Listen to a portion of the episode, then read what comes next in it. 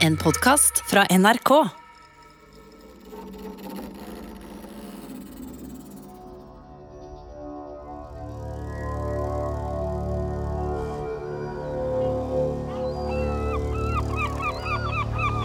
Byen er Bergen. Laget er ikke Brann, for Brann fotballklubb blir ikke stifta før om 800 år. Men lell er det topp stemning i byen mellom de sju fjell. Kong Sigurd Magnusson og en av de vakreste flåtene Norge har sett, skal til å legge ut på en ekspedisjon mot Det hellige land, jordsal, Jerusalem. Og det fantes jo verken buekorps eller musikkorps eller norske flagg på den tida, men om det hadde gjort det, så hadde de hatt det. Det skal være sikkert.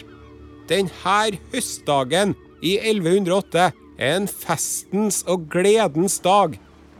Idet de 60 vikingskipene seiler ut gjennom Vågen, ja, da svulmer hjertene til alle som ser på. Og blodet suser i årene, og det ringer i ørene. For en dag å være norsk. Det er typisk norsk å være god. Verden ligger for våre føtter.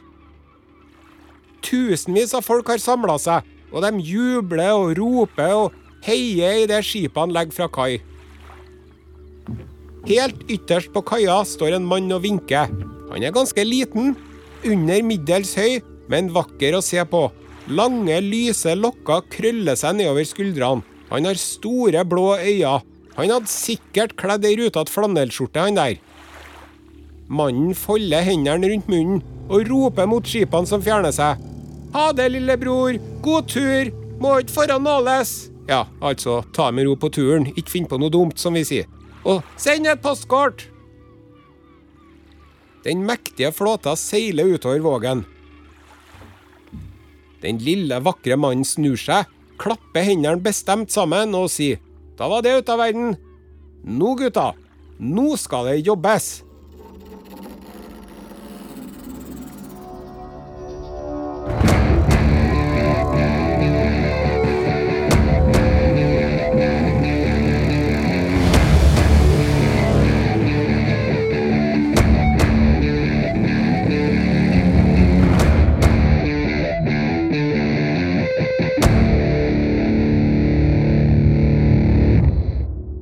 Du hører Kongerekka med Are Sende Osen, sesong to. En podkastserie om de norske kongene. Episode seks Øystein Magnusson, kongen som stelte hjemme.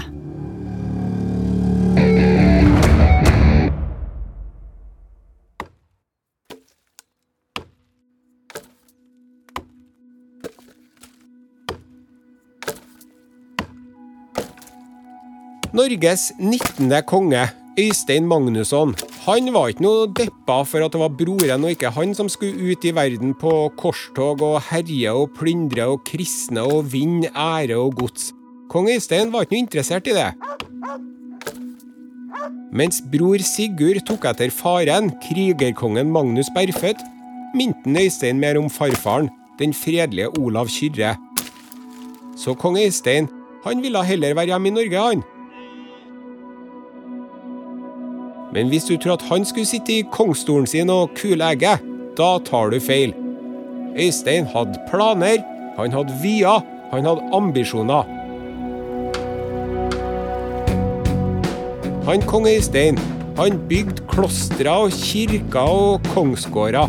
Bare i Bergen bygde han Munkeli kloster på Nordnes, to flotte kirker og en ny kongsgård på Holmen, der Håkonshallen ligger i dag. Og der bygde han det største og staseligste trehuset som hadde blitt bygd i Norge noensinne. Mens en Øystein var konge, fikk Bergen by en skikkelig boost. Faktisk er det noen som mener at kong Øystein har betydd mer for Bergen enn grunnleggeren Olav Kyrre. Herre har sikkert sammenheng med at en kong Øystein var opptatt av å styrke handelen med Europa. Nå var nemlig tørrfiskhandel blitt big business. Og han kong Øystein, vet du, han var ikke dum. Han skjønte at tørrfisk var viktig, og la til rette for denne handelen. Han bygde ei kirke i Kabelvåg i Lofoten, og fikk satt opp noen rorbuer der i samme slengen, så at fiskerne kunne få husly der. På Agdenes, ytterst i Trondheimsfjorden, der bygde han òg ei kirke. Men enda viktigere, han bygde ei havn. Og det hadde aldri vært der før. Dermed hadde man en plass å legge til kai når man kom fra Lofoten på vei til Bergen med tørrfisken sin. Skjønner? I Trondheim òg var han om seg. Bygd kirke der òg. Og et skikkelig svært skip. Det skipet, det var så stort, det, at det var like stort som Ormen Lange. Nei, jo, nei, jo! Med gyllent dragehode foran og gylden stjert bakom. Og det flotte skipet der, det kunne jo ikke ligge ut for vær og vind. Så han bygde naust i byen òg. Og ikke noe vanlig naust, nei. De var så store, dere naustene, at det var som et under. Kong Øystein Magnusson virker som en ålreit type, må jeg si. Han visste mye og mangt. Han hadde kunnskap om lovene og lærerike fortellinger om mennesker, og han var veltalende og rådklok. Ikke råklok, nei, men rådklok. Hadde vel kloke råd, da, sikkert. Godt humør, lett å omgås. Kong Øystein var gift òg. Ingeborg het kona hans. Hun var dronning av Norge og norsk fra Sør-Fron i Gudbrandsdalen. Første norske dronninga fra Norge siden Harald Hårfagre hadde ei kone og dronning i hver bygd omtrent. Husker du at det var en stormann som hadde gjort opprør mot eh, pappaen til Øystein, kong Magnus Berfødt, og at en kong Magnus hadde hengt han stormannen etter halsen for at tre så hodet røyk tvert av? Kong Øystein gifta seg med dattera hans, Dermed ble det sikkert bedre stemning mellom kongen og dem som hadde vært på lag med han stormannen der, da. Diplomatisk type. Løsningsorientert. Men vi vet skuffende lite om hun dronning Ingeborg der, altså. Vet ikke når hun ble født, vet ikke når hun døde. Vet veldig lite om henne. Men vi vet at de fikk en datter sammen, Maria. That's it. Det er det vi vet om av dronning Ingeborg. Ja, du. Han kong Øystein. Han ordna seg hytte på fjellet. Er ikke det typisk norsk, så vet ikke jeg. Altså, Trondheim var nå blitt et pilegrimsmål. Folk kom fra fjern og nær, og mest fjern, for å se helgenkongen Olavs grav. Og de fleste pilegrimene måtte gå over fjellet, over Dovrefjell. Og da skjedde det stadig vekk at folk frøs i hjel oppi der. Og han kong Øystein, han sa 'herre går ikke', så han bygde hytte på Dovrefjell som folk kunne ta inn på og overnatte. Betjente hytter i beste turistforeningens stil. Og ikke bare ei heller, flere. Dermed ble det noe annet for folk som skulle til Trondheim. Nå ble det karbis med erter og løk framfor å fryse til en istapp under en einerbusk. Framskritt.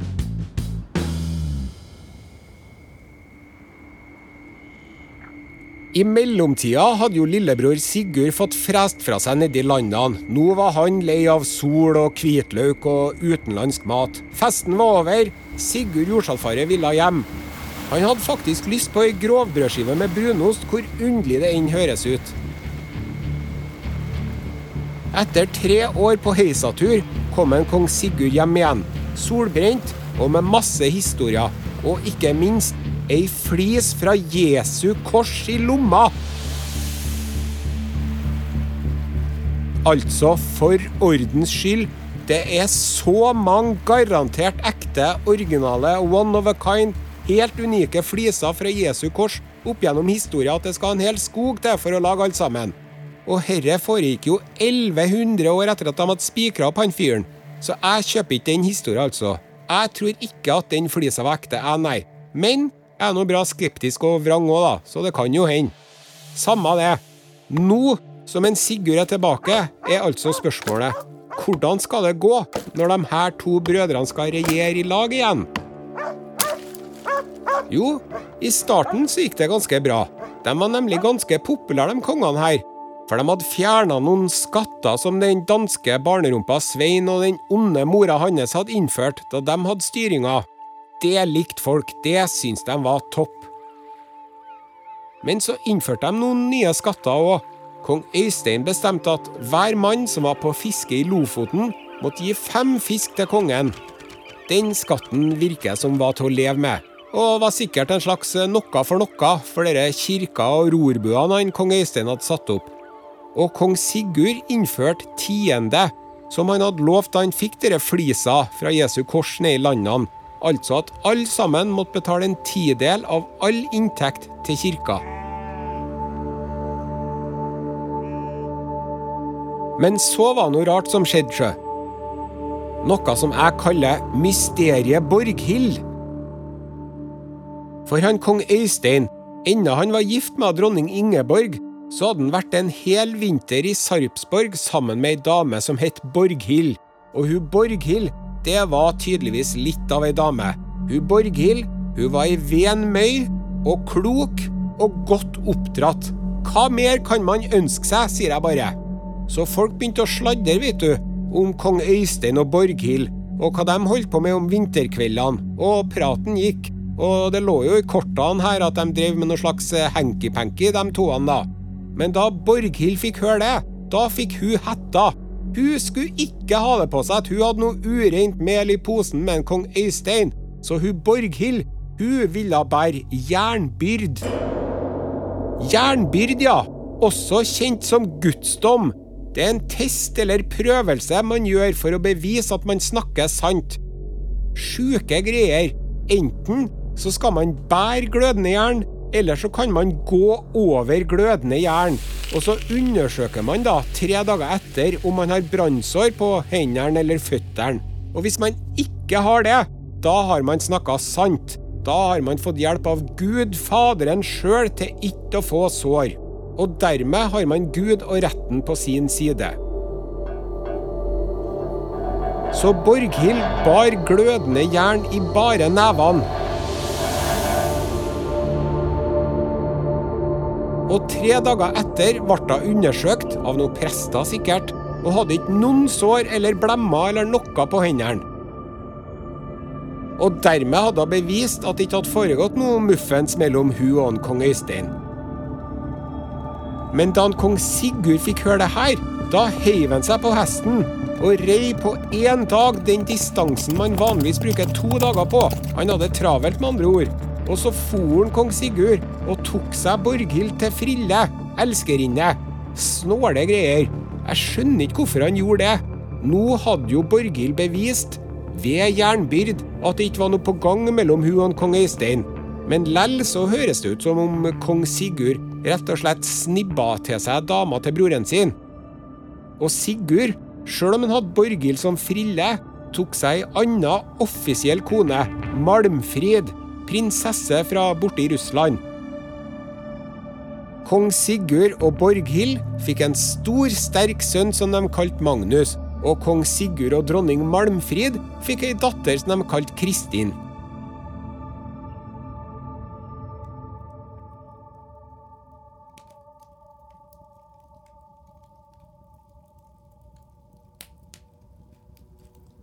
Enten det nå var dårlig stemning pga. frilla Borghild eller ikke, nå surna forholdet mellom kongebrødrene Sigurd og Øystein.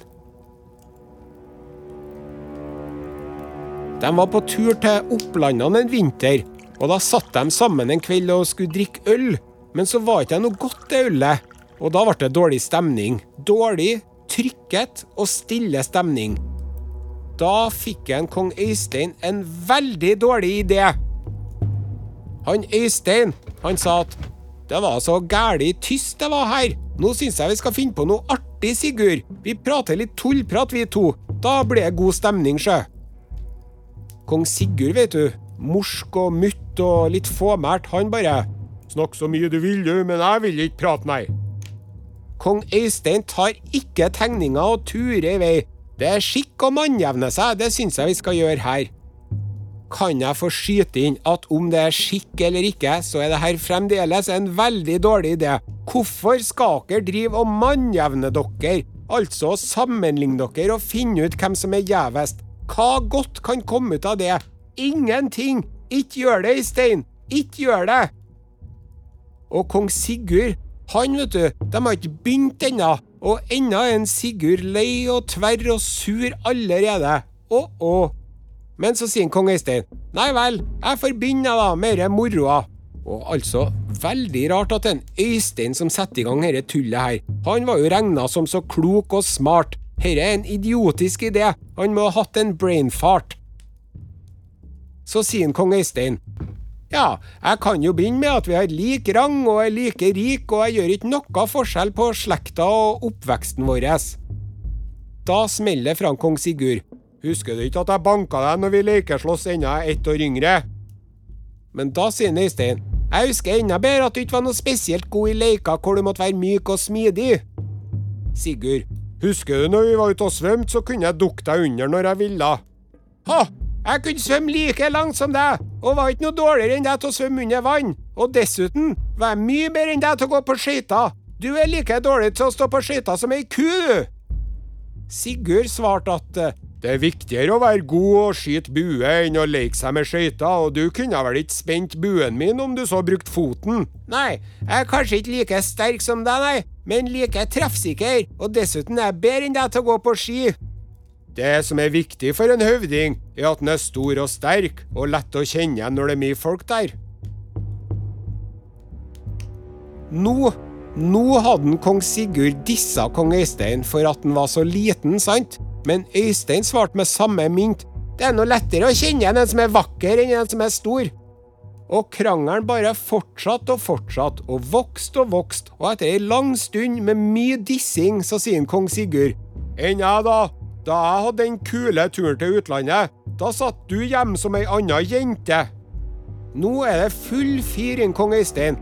Jeg skjønte at du kom til å ta opp denne forbanna utenlandsturen din. Det var ikke jeg som satt hjemme som ei jente, det var jeg som utstyrte deg som ei jente, så at du kunne fære.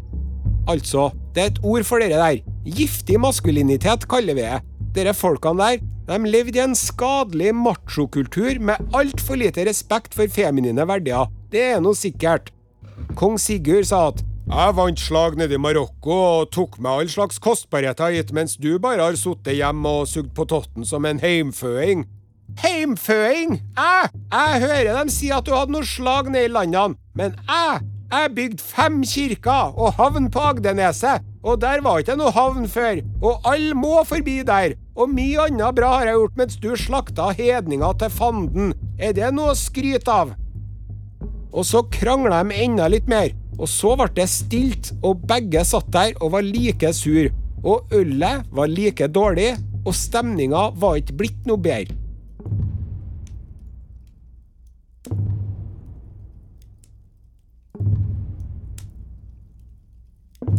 Så med den selskapsleken bomma han stygt, han kong Øystein. Dette var bare dumt og tåpelig. NM i barnslig. Og ikke ble de enige om hvem som var gjevest heller. Etter det her var det dårlig stemning mellom brødrene. De fant alltid på noe å krangle om, så det er ikke godt å si hvordan dette hadde endt hvis ikke stakkars kong Øystein brått hadde blitt sjuk og daua mens han var på besøk i Hustadvika på Romsdalskysten.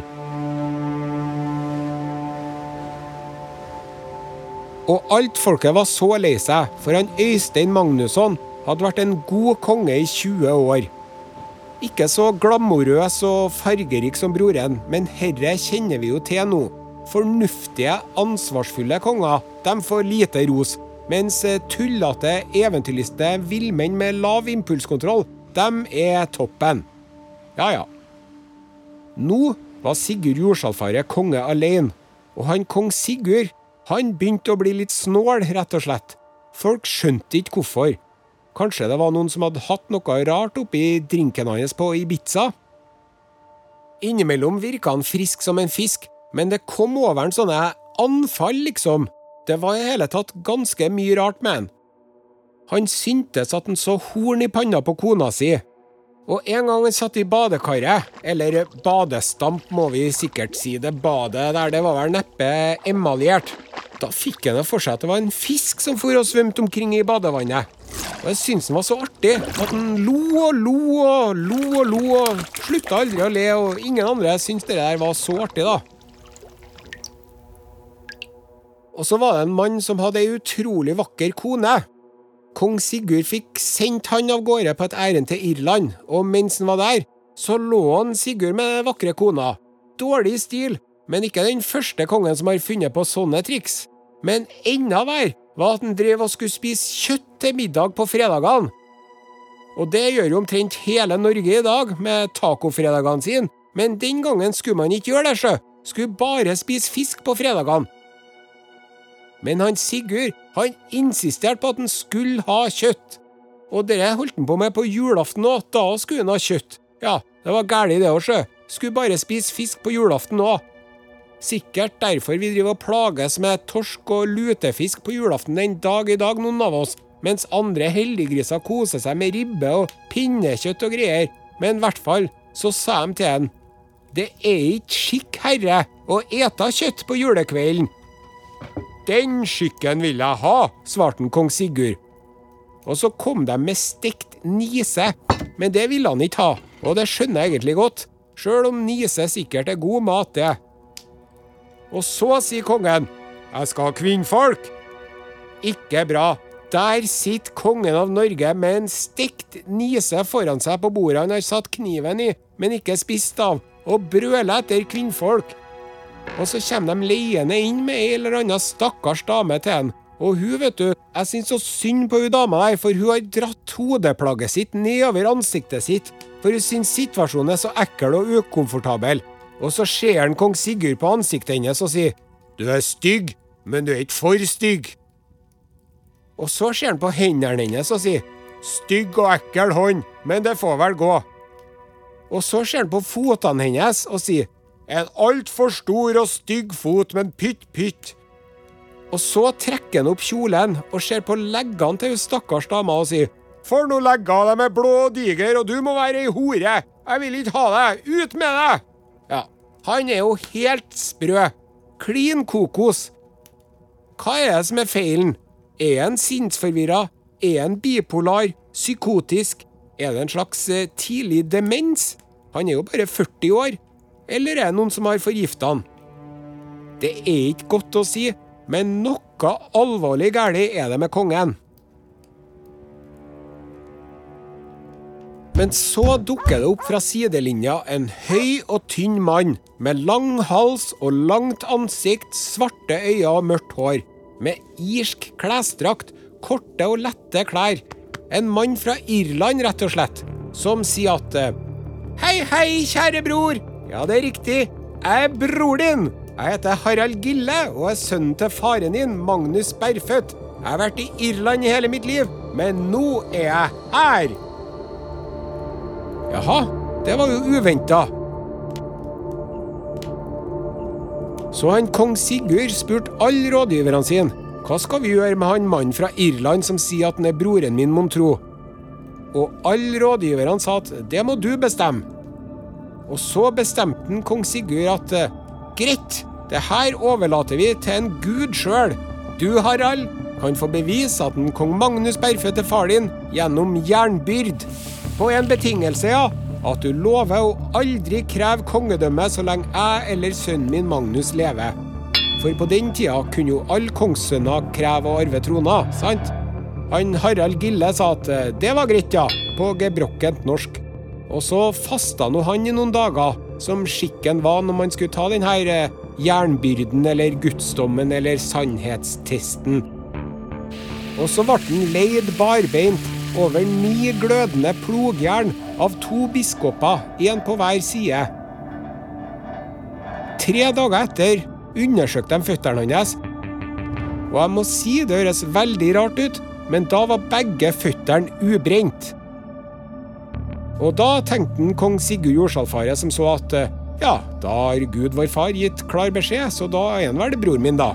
Og mente at alt var greit.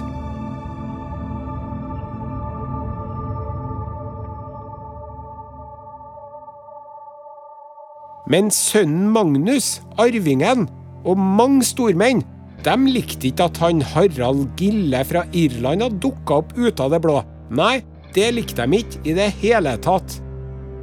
Men Sigurd mente at slapp av, herre går bra, alt folket elsker meg jo, og Harald Gille har jo lovt at han ikke skal prøve å bli konge så lenge jeg eller Magnus lever. Men hvis dere absolutt vil, kan jeg få hele folket til å love meg at Magnus skal bli konge etter meg. vil dere det? Og så gjorde han det, og så gjorde folket det. Hele Norge lovte at Magnus skulle bli konge etter Sigurd, og ikke Harald Gille. Og ikke så lenge etter så døde Sigurd Jordsalfaret av sykdom i Oslo, 40 år gammel. Da hadde han vært konge i Norge i 26 år. Ble gravlagt i Halvardkirka, attmed der Øyafestivalen brukte å være.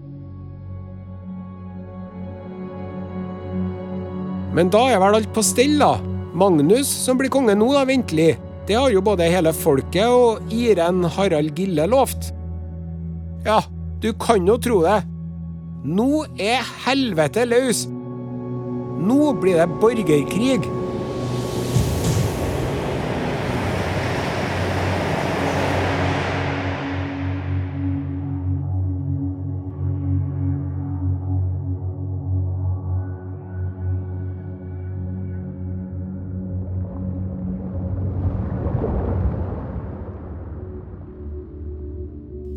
Du har hørt Kongerekka, laga av Are Sende Osen og Ragnhild Sleire Øyen.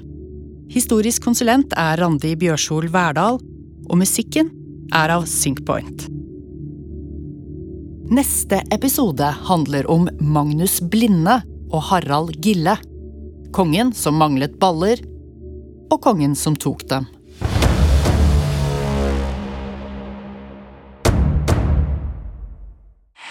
Du har hørt en podkast fra NRK. De nyeste episodene hører du først i appen NRK Radio.